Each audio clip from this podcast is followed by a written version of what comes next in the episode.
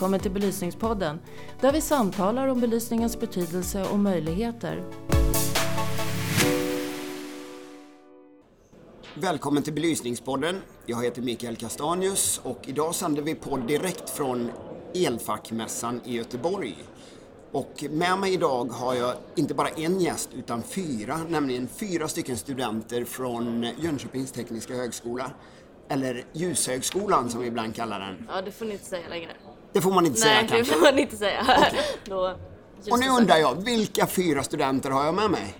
Eh, Jag heter Emilia, går i årskurs 3. Jag heter eh, Gustav Rellfors och läser första året. Eh, Jag läser också första året och heter Victoria. Jag heter Niklas Kläbo och jag läser årskurs 3, sista terminen. Trevligt, jättekul att ni kunde vara med och delta i den här podden. Eh, men min första fråga då till er naturligtvis, hur kommer det sig att ni hamnade på ITH, den här utbildningen? Eh, jag är lite dansare i bakgrunden eh, och håller på med scenljus till våra dansshower.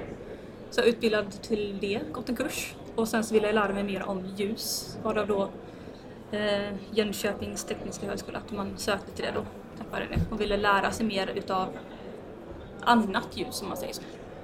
Mer, eh, kanske ha en bättre arbetserfarenhet utav det, komma ut bättre i arbetslivet, enklare. Emilia, är det, är det vanligt att man har en bakgrund inom scen och scenbelysning och sånt där? Nej, inte alls. Utan det är två stycken ifrån vår klass, årskurs 3 då, som har lite den bakgrunden. Gustav, hur kommer du, kom du in på den här utbildningen? Eh, ja, men det var lite krokigt. Jag har redan eh, gjort en eh, pluggomgång. Så jag har varit ute och jobbat som riskingenjör först med politikkonsultbyråer. lite konsultbyråer. Och sen då på en julfest så hamnade jag bredvid ett gäng ljusdesigners. Och tyckte att det var kul, det vi pratade om. Och det kändes liksom, det kom ganska naturligt. Jag tyckte att jag liksom förstod det de det de satt och sa så tänkte jag att ja, men det, här, det här låter bra. Och jag ville ha lite mer kreativt. Så det blev en ganska bra blandning mellan tekniskt och kreativt tänkte jag. Och så blev det ju Jönköping för det var ju här det fanns. Victoria, hamnade du också på det här i- via en julfest? Eh, nej, jag, ehm, jag sökte mig, eller det började typ med att jag tog ett sabbatsår efter att ha pluggat natur på Ölands folkhögskola där jag läste design och då var upplägget att man hade varje vecka har man olika design så man kanske kör grafisk design en vecka och industridesign en annan vecka så fick man prova på allting som fanns liksom inom eh, designyrket. Um, varav vi hade armaturdesign men framförallt hade vi inredningsarkitektur. Eh, vilket fick upp liksom, ögonen för att, att skapa rummet. Ehm, och då sökte jag inredningsarkitekt och ljusdesign för att jag tycker, alltså jag känner verkligen att utan ljus så finns det inte ett rum. Ehm, så ja, det var väl därför jag sökte hit, för att jag ville liksom få med mig ljuset för att skapa rummet och liksom få fram, alltså ja, hela ens skoltid har ju varit pissig belysning. Så jag känner att det är det jag vill kompensera upp. Det har du helt rätt i. Belysning, det var inte den bästa man, erfarenheten från nej verkligen skoltiden. inte. Niklas, vad, hur hamnade du på den här utbildningen då? Uh, ja, jag hade nog inte lika mycket baktanke som de andra tre bakom hur jag sökte utan uh, jag var lite vilsen efter gymnasiet, Uh, visste inte riktigt vad jag ville göra.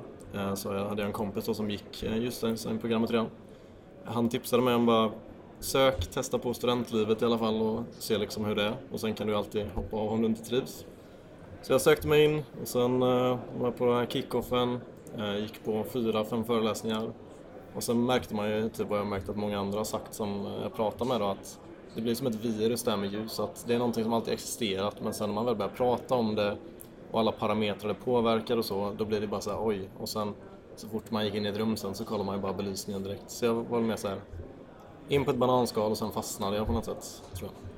Ni blir tidigt yrkesskadade med andra ord låter det som. Ja, verkligen. Absolut. Men blev, blev utbildningen som ni förväntade er? Ja? Eh, Var det som du trodde Gustav?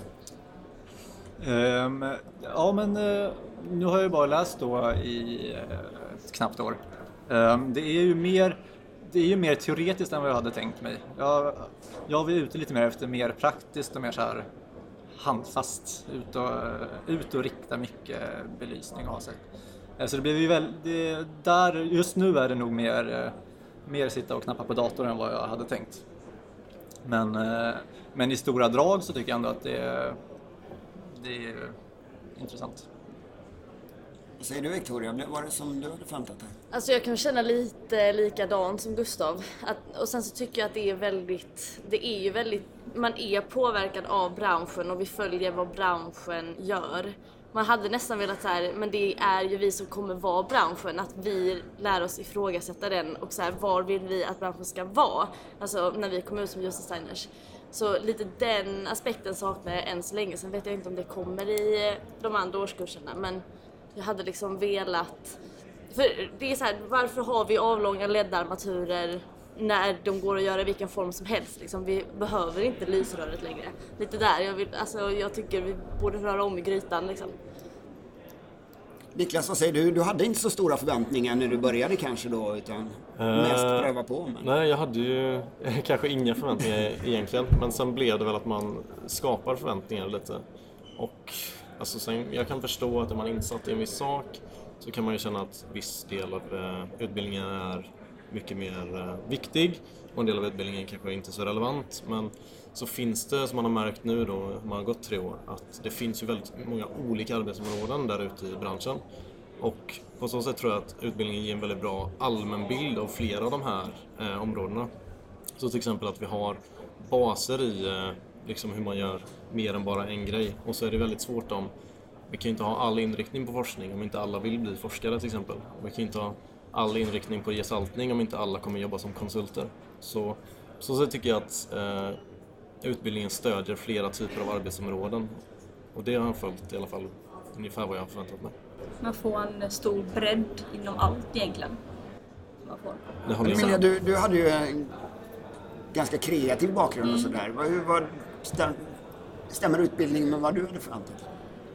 Alltså jag hade ju inte förväntat mig så mycket heller faktiskt. Utan eh, jag hade läst på lite om utbildningen och visste att det inte var inom eh, det här skapandet med scenljus utan det var en kurs i årskurs 3 man skulle kunna välja. Eh, som vi tyvärr inte kunde. Eh, men eh, annars så var det så, jag visste inte vad jag förväntade mig egentligen. Utan bara lära mig mer om ljus. Vilket som med Niklas då att ju mer man satt, man blev ju mer fast i det. Alltså man lärde sig mer inom alla möjliga olika ljuskällor så man tänkte inte att alla de här fanns innan man började. Och alla program som finns för att skapa visual- visualisationer och allting liksom. Så att eh, man får en stor bredd som hjälper en när man kommer ut sen tänker jag. Har ni några förslag till hur utbildningen skulle kunna då vara än mer anpassad för att matcha den arbetsmarknad ni ska kliva ut i sedan? Ni, ni sa ju det här med att ni vill leda mer branschen eller inte bara följa sådär. Har ni några konkreta förslag på hur utbildningen skulle kunna vässas? Alltså när det gäller att smälta in i branschen efteråt tror jag verkligen inte vi har några problem. För det känns som det är lite det, kanske lite det som är problemet, att vi smälter in för bra när vi väl kommer ut. Att vi följer med strömmen och att vi har varit en del av strömmen redan i utbildningen. Ehm, men jag hade ju tyckt det var spännande om man kan få upp ljusdesign på samma sätt som man lägger upp arkitekturutbildningar. Mycket så här Alltså att våga vara i konceptstadiet väldigt länge och att kanske inte lägga all fokus på det tekniska och liknande. Ehm, och att liksom få in det, alltså att man, ja, att det, det finns något sånt tänk alltid. Vad säger ni andra? Ja, att utveckla utbildningen så det görs väl kontinuerligt lite. Då förstår jag var Victoria kommer ifrån att eh, som sagt, vissa tekniska bitar som alla kanske inte är lagda för den typen av arbete. Men så är det ju återigen som jag sa i mitt förra påstående att alla kommer inte jobba med samma sak och det är ju typ viktigt att få den här bredden. Och sen finns det ju visst vissa kurser då som kanske inte håller samma standard som andra. Och det, men det är något jag hoppas och tror de håller på att utveckla hela tiden. Men just det här att alla som går ljusdesign, eftersom det finns ju bara en utbildning. Och då måste ju den kunna vara till för då alla de här olika arbetsområdena som existerar. Och typ väljer man att fokusera på något väldigt mycket mer än något annat, till exempel Ja men eh, kanske det här mer kreativa.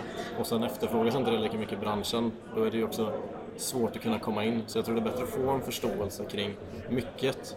Och sen när man väl är inne i branschen eh, så kan man ha kunskaper som då kan förändra liksom.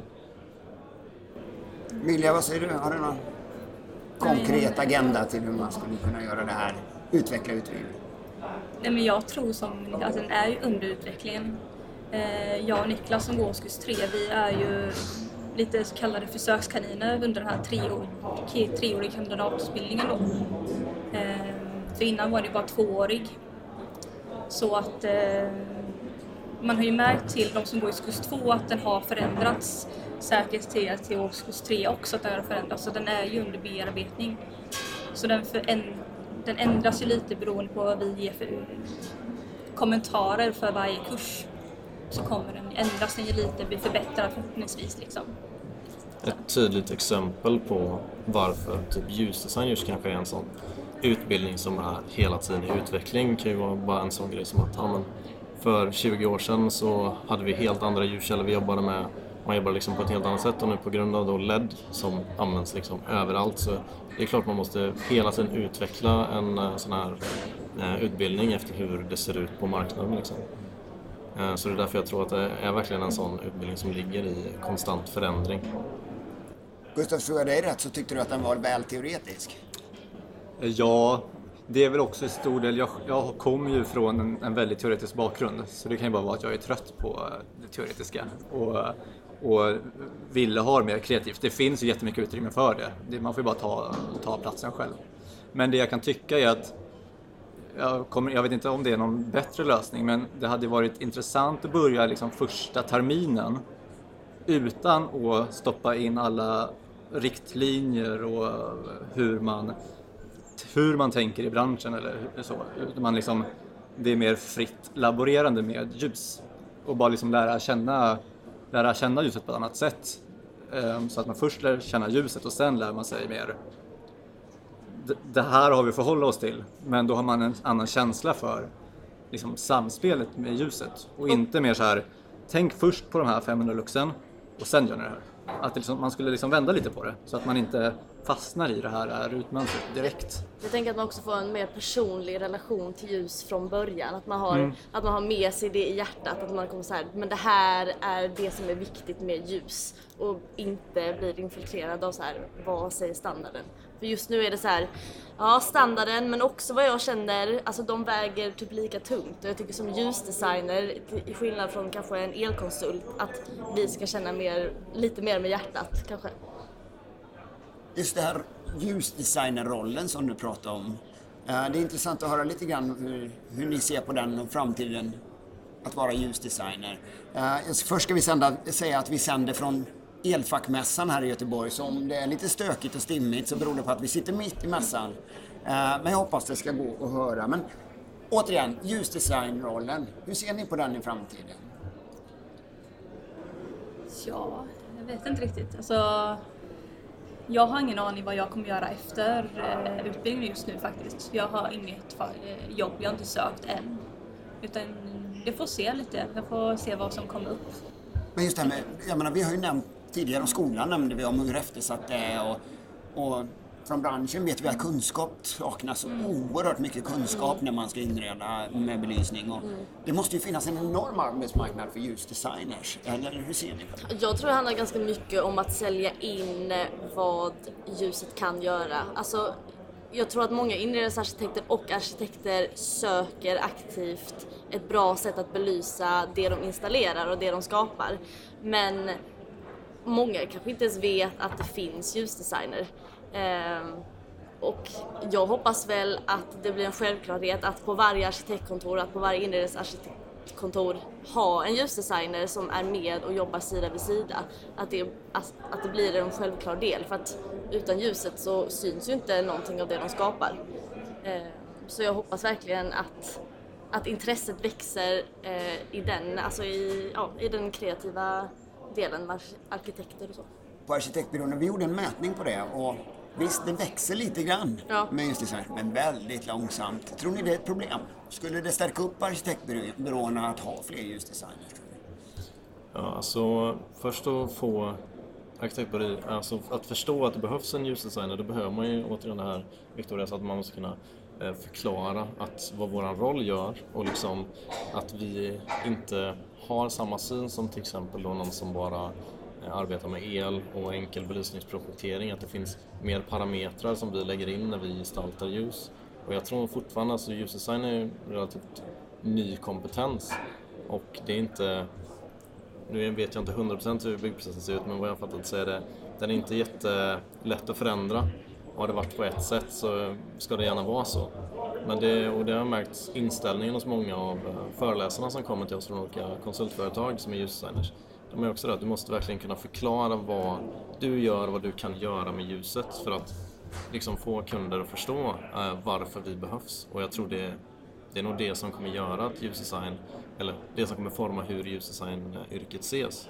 Att vi verkligen kan säga och bevisa att vi behövs därför och därför. Klarar ni det? Varför, varför behövs ni? Och jag måste också fråga er, hur beskriver ni ljusdesigner? Jag antar att ni får den frågan ganska ofta från era kamrater och så vidare. Att, vad är en ljusdesigner? Ja, det är inte någon som stöper ljus i tre år i alla fall. För det, det är påståendet. Ingen stearin Nej, Jag har mött människor som bara Va? Ska du stöpa ljus i tre år? Jag bara nej, belysning. Belysning är det jag ska Ja, jag brukar ta den enkla förklaringen till eh, liksom, familjevänner och så om någon frågar. Så är det så här att ja, arkitekten ritar huset, inredningsarkitekten inreder med möbler och så och vi belyser. Men eh, kanske en finare och lite mer eh, rättvis förklaring skulle vara att det arkitekten och inredningsarkitekten gör kommer inte, alltså det vi gör med ljuset kommer bestämma hur deras gestaltning ser ut också. För utan ljus finns inte arkitekturen eller inredningsarkitekturen. Det är ju det med ljuset så eh, blir rummet vackrare med deras, det de har gjort med vackert. Så blir det med ljuset blir det ännu vackrare med det. Liksom. Man gör det bättre. Man tänker inte på att ljuset är utan det bara finns där. Så liksom det är därför tror jag många inte har med, alltså arkitekter har det, alltså en ljusdesigner med sig. Ja. För att ljuset finns där. En självklarhet. Precis. Men planerar man det bättre än att bara sätta in någonting så mm. blir det ju mycket bättre, mycket vackrare till deras fördel också. Men det gäller ju verkligen att vi är med från början. Alltså vi kan inte göra ett superbra arbete om vi kommer in när allting är klart. Alltså då, det är som att lägga plåster på såret bara. Eh, det finns liksom kvar där. Ehm, men jag kan tycka att det är lite härligt också att det inte är så väldefinierat. Att det är lite så, vad gör en ljusdesigner? Det, det skapar ju, som vi pratade om i början, att det är ju väldigt brett. Man kan verkligen liksom göra allt från väldigt teoretiskt, man kan börja forska och man kan liksom göra superkreativt. Eh, det, det ger ju en stor möjlighet till att tolka lite själv och ta sig, vill man in mot, eh, mot arkitektoniskt eh, åt det hållet så då, då, finns det ju då finns ju en möjlighet att gå dit. Eller vill man bara hardcore köra styrning, då går det ju att gå dit också. Att det fin- jag förstår problemet är att om det inte finns liksom en tydlig eh, liksom, ljusdesignerkår eller liknande som man kan så här, trycka på med. Det finns ju ett problem med det såklart men det är ju också en, en lyx när man får en sån bred, eh, pass bred bakgrund att själv kunna välja lite. Men det här tycker jag var kul, så här kan jag nog ändå sälja in en ljusdesigner om jag använder eh, rätt ord för det. Ni nämnde lite här om att eh, ljus är så naturligt och det kommer in så sent i processen. Upplever ni att det är ett problem det här att man kom, belysningen, ja, det sätts in sist många gånger och sådär. Det är inte riktigt genomtänkt. Det är bara något självklart som ska vara där och lösningen blir ofta de här standardplattorna. Uh, upplever ni att det är ett problem? Borde, borde det, ert jobb komma in tidigare i processen? Absolut. Ja. Alltså, man skapar liksom förutsättningarna när man bestämmer vad ljuset är med, hur det kommer se ut. Som när man kan kolla på till exempel i, ja men, kolla tillbaka lite tiden på mestadels totalentreprenader när det inte finns någon ljusgestaltning med egentligen utan det ligger i samma del som el och detta är utifrån jag har lärt mig utbildning då, inte sett direkt. Eh, men eh, att komma in i ett helt färdigt koncept och inte få flytta och prata med andra aktörer om vad man kan göra med olika lösningar, det är klart det blir en helt annan grej än om jag då kommer in tidigt ja, men, får prata med arkitekt eller om det handlar om inredning, hur kan vi matcha det här? Eh, kunna prata typ ja, med folk som gör ventilation, om vi kan flytta, alltså ha den här kontakten mellan aktörerna i projektet och tror jag gör extremt mycket för slutresultatet. Jag också, att ljusdesign även är dagsljus och hur vi ska ta tillvara på det. Och där känner jag också att om arkitekten inte har, de har ju, de vet ju ungefär vad de vill men jag tror verkligen att de skulle kunna få stöd av ljusdesigners tänk som är, alltså vi är ju så nernördade i just ljus att vi skulle kunna komma dit och bara, men vad är aktiviteten i det här rummet? Har du tänkt, behöver det vara så mycket fönster då eller kommer man vilja dra för? Alltså att, att vi faktiskt är med från början och kan liksom ändra i arkitekturen och i planeringen. Inte att vi så här kommer som ett litet tips på slutet utan att vi, vi är liksom en influerande del. Tror ni att konsumenterna har blivit mer medvetna om belysning. Jag kan ibland få den känslan att med ny teknik som kommer och vi är early adopters i Sverige, vi tycker det är roligt att pröva och då märker man liksom att oj vad mycket man kan göra med belysning. Dessutom så sparar man energi nu med, med modern LED-belysning och så vidare så att man kan använda kanske lite fler ljuskällor och så vidare än vad man haft innan. Håller ni med om det? Upplever ni när ni pratar med era kamrater och sådär att man bör, det börjar bli lite mer intressant? En viss till en viss del tänker jag. Många går ju fortfarande och letar efter glödlampor i butiken och, um, och så, men har ju såklart även koll på um, den nya tekniken och så.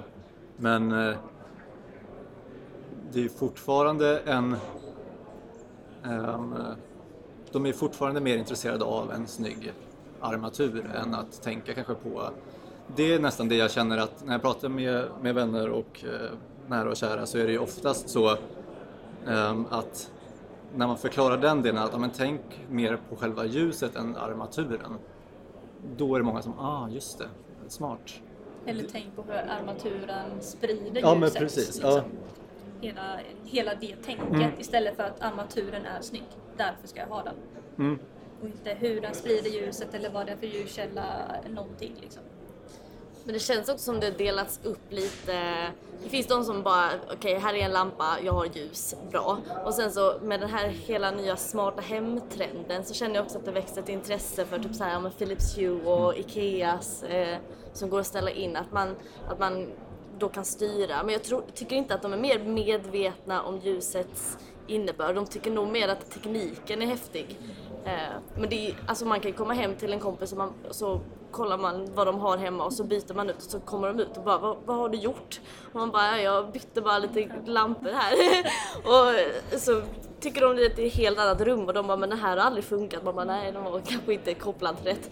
Eh, så att alltså det känns som att konsumenten måste se skillnaden för att förstå den. Det, de ser inte kvaliteten i de olika ljuskällorna utan de bara tar första bästa. Ja. Så som de tycker. De, de vet ju inte vad det är förrän de har skruvat i det och ser den lysa. Och det förstår jag, det visste inte jag heller innan jag hade börjat på utbildningen. Jag hade ingen aning om Kelvintal eller lumen. Eh, men jag tror lite som jag nämnde i eh, början om eh, det här när man får det här viruset av belysning liksom att man helt plötsligt så kollar man bara på belysningen i ett rum. Och det har jag märkt med mina vänner som inte pluggar Ljusdal att nu har man ju tjatat hål i huvudet på dem. Så då blir det så här, man ja, går in på en bar med en kompis för några veckor sedan och han bara, här var det, här var det ingen bra liksom.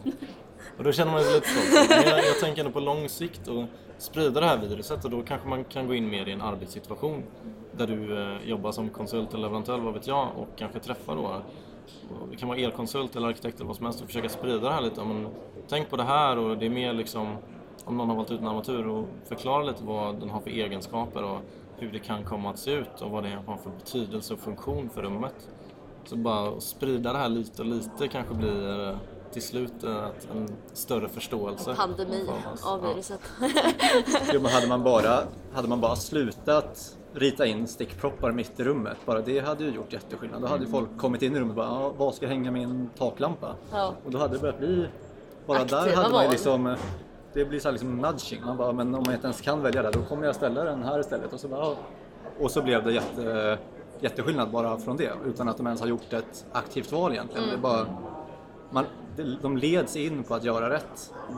Några sådana saker skulle man ju absolut kunna bara plocka bort för att underlätta för alla och skapa en bättre miljö. Är det inte ett problem också att det många gånger är alltså, elektrikerna eh, som, som, som, som är den som rekommenderar var man ska sätta upp sin belysning och vilken belysning man ska som kanske inte har den utbildningen och vet som ni har då?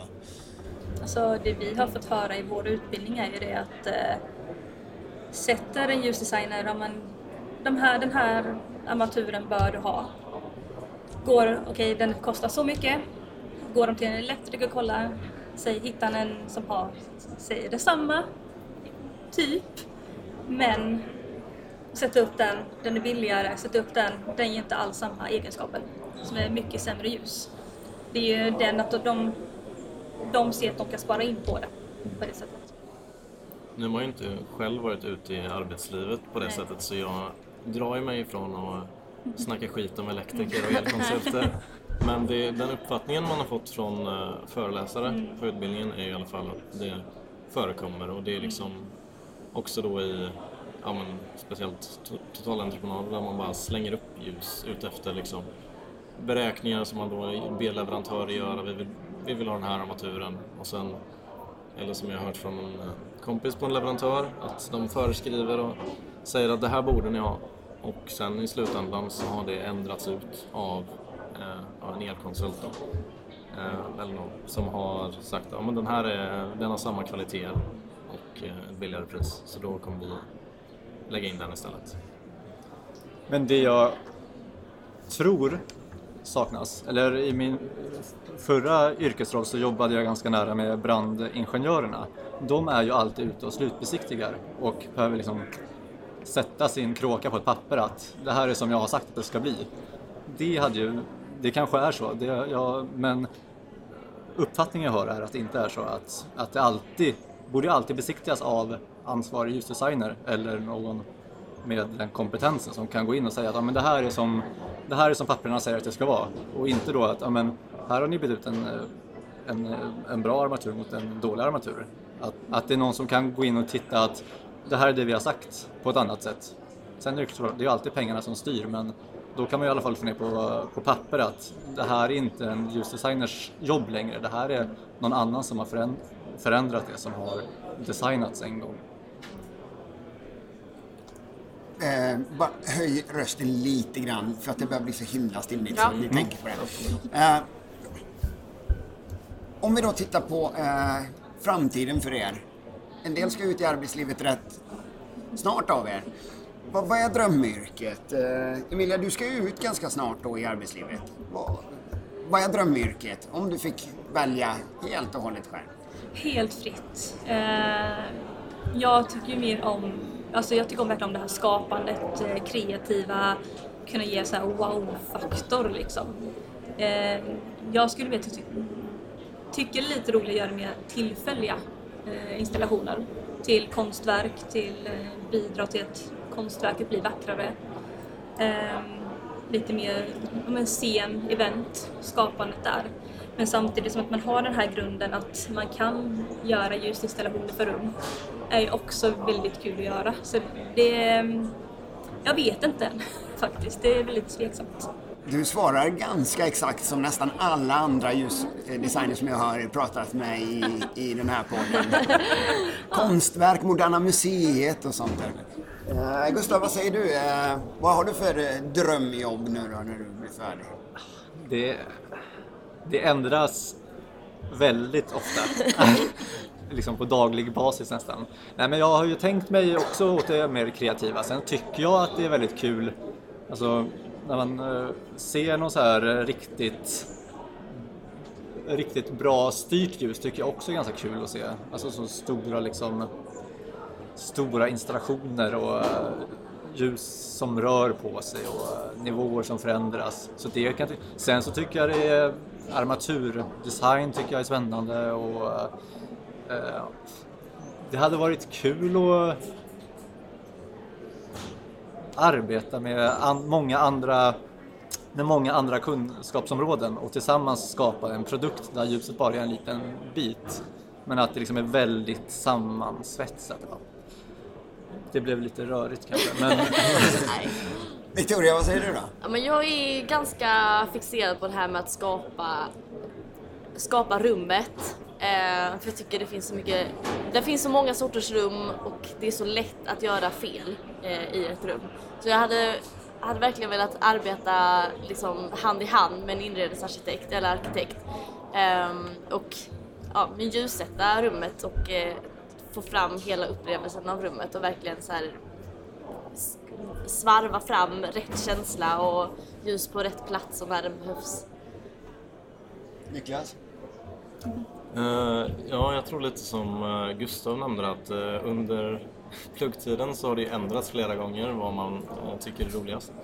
Men nu i slutet skulle jag säga att mitt största intresse är att skapa liksom, en helhet i de projekten man gör. Så jobba med inredning, med färger, med materialer och då som Victoria sa kanske nära med inredningsarkitekter och arkitekter och liksom så drömjobbet är nog på en, alltså vara konsult för en arkitektfirma eller en eh, teknikkonsult som har goda förbindningar med arkitekter och inredare. Då. Det tror jag hade varit roligast. Men att då jobba i grupp och ha bra koll på vad de andra aktörerna gör. Det är, nog, det, är det jag vill hålla på med. Vi nämnde lite grann det här med under utbildning så kanske man skulle haft lite mer kontakt med branschen och vara med och påverka och så vidare. Och ni som har gått ut den här utbildningen är oerhört attraktiva för branschen och vi vill ju gärna att ni ska gå klart och, och finna er roll i branschen och, och bistå. Men vad kan vi göra från branschen för att ni ska få en bättre relation med, med er under utbildningen? Eller? Ja, alltså vi får ju många gästföreläsningar från leverantörer främst. Eh, och sen eh, senare i eh, tredje årskurs så har man ju även fått eh, vissa konsulter från olika företag och så. Men hade man inte haft kontakt redan i branschen själv utan eh, så tror jag inte man hade vetat om så extremt många, i alla fall konsultföretag. Man får väldigt dålig information om vilka konsulter det finns där ute som man kan jobba hos. Alltså man vet ju om OF och Sweco, typ de stora, VSP. Men längre än så i utbildningen är det inte ofta man kommer. Och sen när man har fått kolla upp nu själv då när man är i jobbsökande fas så har man ju märkt att det finns hur mycket som helst. Och jag tror att eh, de föreläsningar jag tycker är intressantast är när någon från en konsultfirma kommer och berättar om hur de jobbar liksom. Och jag tror att det, det skulle man uppskatta allihopa om det var mer sånt. Där man får veta mer av, okej okay, på detta företaget kan man få jobba med de här arbetsuppgifterna och ungefär så här går det till när de är i projekt. Och, så jag tror det är viktigt att eh, företag i branschen själva söker sig till utbildningen. Jag tyckte det var spännande om man vände lite på det för nu är ju ljusdesign en ganska speciell utbildning just för att det bara finns den här. Um, och att kanske företag kommer in och tar tempen, liksom att de kommer hit och är intresserade av att se vad vi tänker på, vad vår generation och vi som ska komma ut och jobba, vad som är i fokus.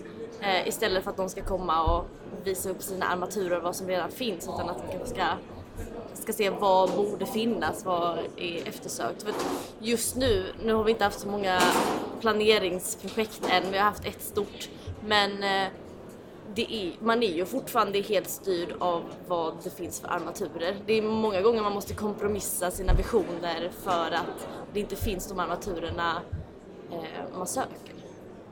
Och där tycker jag att man borde mötas mer, att det inte bara är vad utbudet från armaturtillverkarna är utan att det också att de lyssnar på eh, vi som använder armaturerna eh, och vad vi söker. Vad säger du Emilia? vad, vad önskar du mer från branschen under utbildningstiden? Eh, ja, jag är nog lite med in i Niklas spår faktiskt. Eh, nu sista tiden har vi haft lite mer eh, från branschen vad vi läser affärsmannaskap. Um, så ja, jag blir med inne så jag vet inte riktigt om jag saknar också och så. Det kommer mer och mer mm. kan man säga. Gustav, har du något som du tänker på som jag tycker nog bara att, eller det är ju väldigt kul när det kommer branschfolk och, och, och pratar. Ehm, um, akademins värld är ju en, det är ju en egen värld på ett sätt. Alltså det är väldigt kul när det kommer in, när man får se man får se hur, vad, vi lär oss en sak som kanske funkar i, i boken men eh, så när man börjar prata med branschfolk så nej det där det, det går aldrig ihop sen när man är ute och, och jobbar med det utan att få den liksom ständiga responsen på Ehm, på vad man gör. Men som i vårt eh, projekt vi har haft nu under, under eh, våren. Då hade det ju varit jätteintressant om det var folk från branschen som kom in och sa men, tänk på det här i ert koncept eller eh, den, om ni kommer sätta den här armaturen där så funkar inte det på grund av det här eller det här. Och ha liksom mer interaktion så mot branschen. Att de är med inne och petar lite i vad vi, vad vi föreslår. Sen måste man såklart som, som student då liksom våga köra sitt race och inte formas för mycket av det. Men, men ändå få olika inputs. Hur är det med Sverige i all ära, men, men internationellt jobb och sånt där och internationell praktik och sånt i utbildningen. Har ni de möjligheterna också? Öppnar sig en bredare arbetsmarknad än eh, nationellt? Uh, ja, det är upp till ens egen, eget engagemang tror jag mycket. Vi har ju, eller nu då, jag och Emilia har inte haft chansen men eh, åren under oss har chansen att eh, studera ett halvår i Hongkong, i eh, Pennsylvania State och i London. Så det finns, man får ju uppfattningen av liksom det finns en värld utanför Sverige. Men jag tror just nu handlar det ganska mycket om sitt eget engagemang och vad man själv dras mot. Jag tror, och just det här med Lighting Alingsås tror jag har hjälpt många att inse det också att uh, ja, men, jag vill vara en grupp där med sju stycken människor från andra länder och förstå att oj, okej, det, det finns liksom mer ställen och då man får också träffa de här workshop-headsen som också inte bara är från Sverige och veta lite om hur de jobbar och var och så. Så det, man, det finns möjligheter och man lär sig ju om att det finns eh, utomlands att dra sig till. Men nu är de som du nämnde nu Niklas, det var ju de som man kan läsa en, en eh, utlandstermin. Men inom praktik, alltså du kan även ha praktik utomlands också. Till exempel i Dubai finns en eh, som brukar kunna ta emot praktikanter.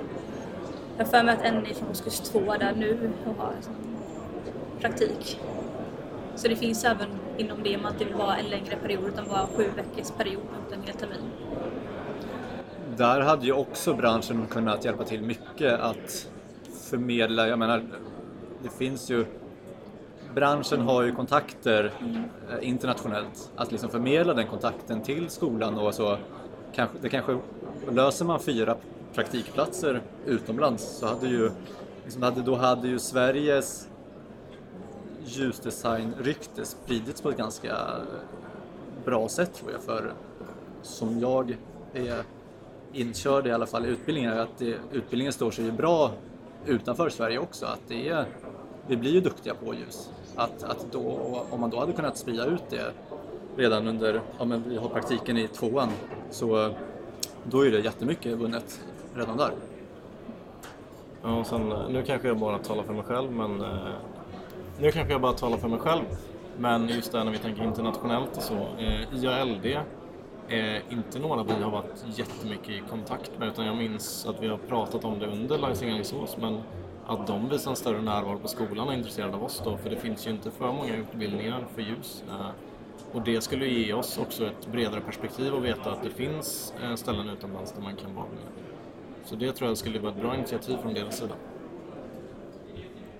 Hörrni, eh, ni är hur kloka som helst och det är hur spännande som helst att prata med er här. Men det ska vara någon slags festlighet och prisutdelning här utanför så det börjar bli väldigt stimmigt. Men med tanke på att det är festligt utanför så måste jag fråga. Jag är ju själv uppvuxen i Borås, inte så långt från Jönköping. Och dit åkte man inte gärna under min uppväxt. Eh, hur är Jönköping som studentstad idag? Jag är ju helt såld på Jönköping, måste jag säga. Sen kommer jag också från Trelleborg så att eh, nästan alla städer i Sverige är liksom en uppgradering.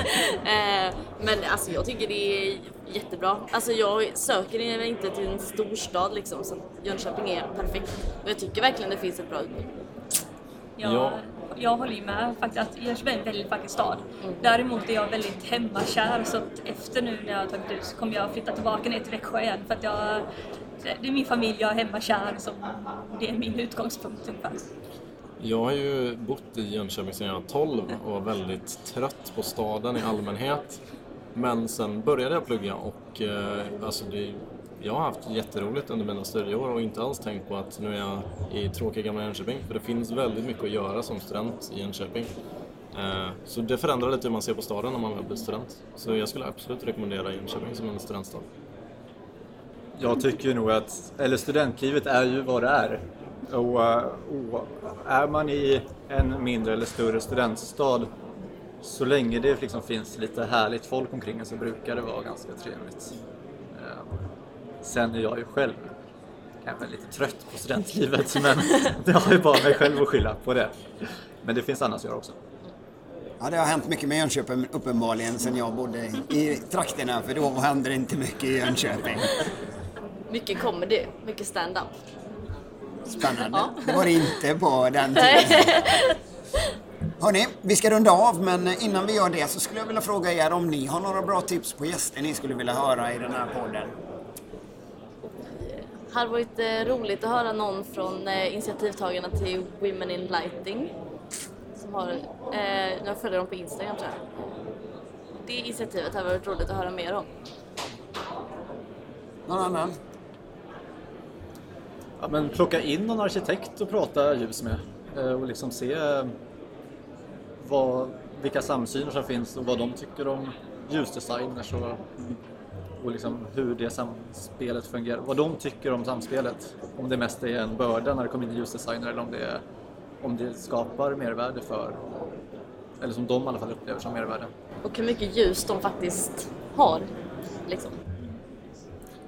Eh, vi skulle kunna vända på kakan att du tar in en av våra utbildare eh, och fråga hur, hur de tycker. Annars vet jag inte vilka gäster du har haft än. Men jag, Vi har ju Johan, faktiskt haft Johan Reklander, Johan Ekland- men inte så mycket om utbildningen och så. Ja, En annan Johan då, Johan Moritz, eh, tycker jag är mycket intressant att säga. Det är något eh, intressant att lyssna på. Jag håller med där med Johan faktiskt. Han eh, lyssnade på han här nu precis innan också så att eh, han- han kommer flikar in med många bra, roliga, intressanta grejer. Eh, han har man rätt mycket i utbildningen också så att eh, vad han att säga, han, han kommer alltid med nya grejer att eh, förmedla så att det är alltid roligt att lyssna på. Hörni, ni ska ha ett jättetack för att ni tog er tid. Det var otroligt spännande att få prata med er. Tack så hemskt mycket. Tack själv.